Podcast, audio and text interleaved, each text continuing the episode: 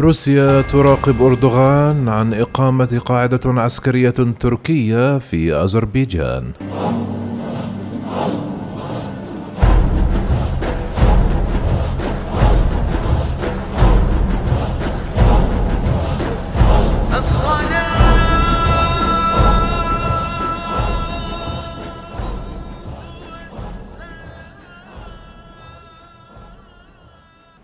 قال الكرملين أن موسكو تراقب عن كثب التطورات المتعلقة بقاعدة عسكرية تركية محتملة في أذربيجان وهي خطوة قد تتطلب من روسيا اتخاذ خطوات لضمان أمنها ومصالحها.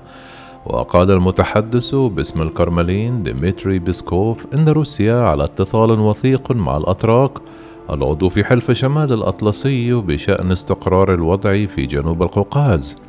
حيث أدى القتال العام الماضي إلى طرد الجيش الأذربيجاني المدعوم من تركيا للقوات الأرمنية من مساحات شاسعة من الأراضي التي كان يسيطرون عليها ويسيطر عليها منذ التسعينات في منطقة ناكورنو كاراباغ وحولها.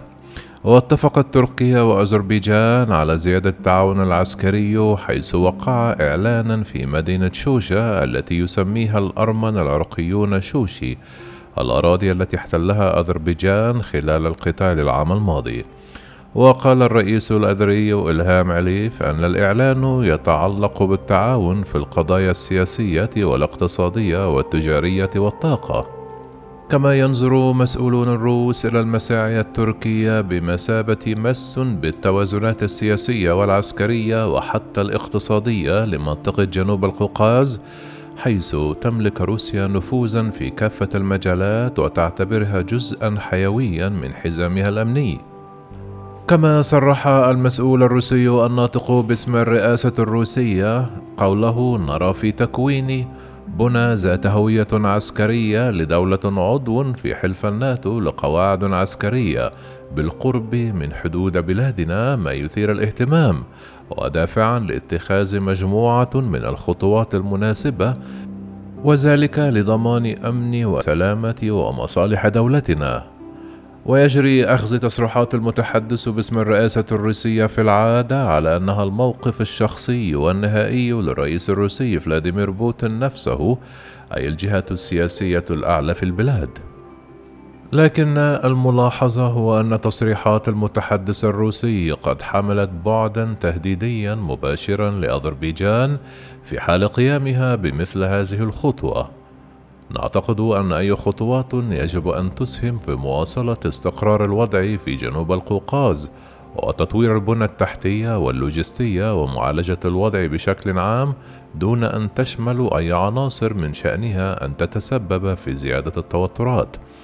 وفي غضون ذلك أدلى باقي المسؤولون الروس من وزير الخارجية ووزارة الدفاع الروسية بتصريحات مطابقة لما صدر عن مؤسسة الرئاسة الروسية وكانت التصريحات التركية بشأن إمكانية بناء قواعد عسكرية تركية ثابتة في أذربيجان قد جاءت بعد ثلاثة أحداث رئيسية مما أثار قلقا لدى روسيا وجاءت هذه التصريحات بعد الحرب الأرمنية الأذربيجانية الأخيرة التي تعرضت فيها أرمينيا لما اعتبر بهزيمة عسكرية وحصلت فيها أذربيجان المتحالفة مع تركيا على انتصار عسكري.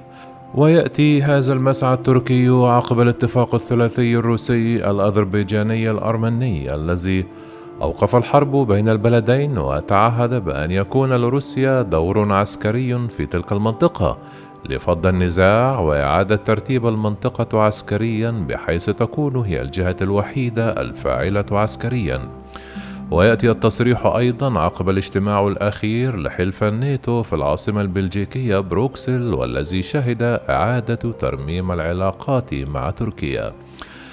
باحثون متخصصون في الشؤون السياسية صرحوا أن أسباب المخاوف الروسية المتجددة من القواعد العسكرية التركية في أذربيجان.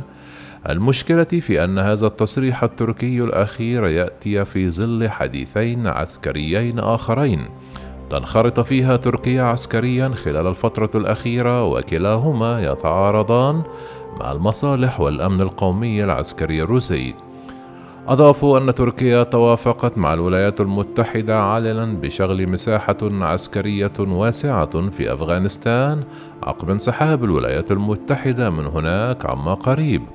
ذلك الفراغ الأفغاني الذي كانت روسيا تأمل بأن تحجز جزءا من النفوذ داخله الباحث التركي المتخصص في الشؤون السياسية غالب أندورو صرح أن تركيا صعدت خلال الفترة الماضية من تنفيذ مشروعها الخاص ببناء ممر مائي بديل يربط البحر الأسود ببحر مرمرة الأمر الذي أثار مخاوف روسيا من إمكانية انسحاب تركيا من الاتفاقات الدولية المقيدة لسلطتها على تلك الممرات البحرية الهامة بالنسبة لروسيا كونها الوحيدة التي توصل السفن الروسية إلى المياه الدافئة. لأجل ذلك تشعر روسيا بأن ثمة تحركات عسكرية شاملة لحلف الناتو في محيطها الحيوي. وإن عبر تركيا ولذلك تستعد لاتخاذ خطوات مضادة. القواعد العسكرية التركية المزمع بناؤها وحسب باقي القواعد العسكرية التركية في مناطق مختلفة من العالم. ستكون على الأغلب مراكز للتدريب ونشر رادارات المراقبة وطائرات الدرون المحدثة التي تركز عليها تركيا في السنوات الأخيرة كسلاح استراتيجي وكل تلك التفاصيل تثير حفيظة روسيا. لكن هناك مراقبين لمثلث المشهد العسكري الروسي التركي الأمريكي يتوقعون بأن تكون القواعد العسكرية التركية في أذربيجان بمثابة خطوة تركية أولية لنقل منظومة اس 400 الصاروخية الروسية الدفاعية التي اشترتها من روسيا إلى تلك القواعد. وبالتالي تجاوز واحدة من أكبر معضلات تعكير علاقات تركيا مع حلف الناتو وبمثابة تصفية تامة لمستويات الثقة التي كانت تجمع تركيا بروسيا عقب صفقة شراء تركيا لهذه المنظومة الدفاعية. القواعد العسكرية التركية في أذربيجان في حال دخولها حيز التنفيذ حسب المعاهدة التركية الأذربيجانية الأخيرة التي وقعها الطرفان خلال الزيارة الأخيرة لأردوغان إلى أذربيجان تأخذ طابعا للتحالف العسكري حسب ما جاء في النص الرسمي للاتفاقية الأمر الذي يعني بأن أذربيجان قد تحولت من موقع التوازن التي كانت تحاول أن تشكله بين النفوذين الروسي والأمريكي في تلك المنطقة ليكون خاضعا بشكل تام ومطلق للتحالفات الاستراتيجية لتركيا وهو ما يشكل حرجا ومزاحمة للنفوذ الروسي في منطقة القوقاز. أستاذ العلوم السياسية تاراس كوزيو والمتخصص بالشؤون الروسية التركية عاد عبر مقالة تحليلية كتبها في صحيفة حريات التركية الحساسية الروسية من هذه القواعد العسكرية التركية إلى التناقض الجوهري بين مصالح وتطلعات الطرفين الروسي والتركي في منطقة القوقاز. كما أوضح الباحث إلى أن التصارع الواضح بينهما بمثابة بنية دائمة الحضور هناك منذ نهاية حرب كاراباخ الثانية وتوقيع اتفاق وقف إطلاق النار في أواخر العام الماضي. تعايشت تركيا وروسيا في أذربيجان في مركز مراقبة مشترك وقوات حفظ السلام الروسية في شمال كاراباخ وأضاف كان ذلك ظرفا استثنائيا وغريبا للعلاقة بين الطرفين خصوصا من جانب روسيا التي لطالما نظرت إلى الفضاء السوفيتي السابق منذ عام 1991 على أنه مجال لنفوذها الحصري. كانت روسيا حساسة بشكل خاص تجاه توسع الناتو والاتحاد الأوروبي في هذه المنطقة. كما أضاف أن التعايش غير العادي بين تركيا وروسيا في أذربيجان يتعارض مع تيار التاريخ حيث خاض العثمانيون والروس 12 حربا بين القرنين السادس عشر والعشرين. تركيا عضو في الناتو ولديها ثاني أكبر جيش وتستضيف قاعدتين عسكريتين أمريكيتين. لطالما كان الاتحاد السوفيتي وروسيا ما بعد الاتحاد السوفيتي ينظران إلى الناتو على أنه تهديد لأمنها القومي.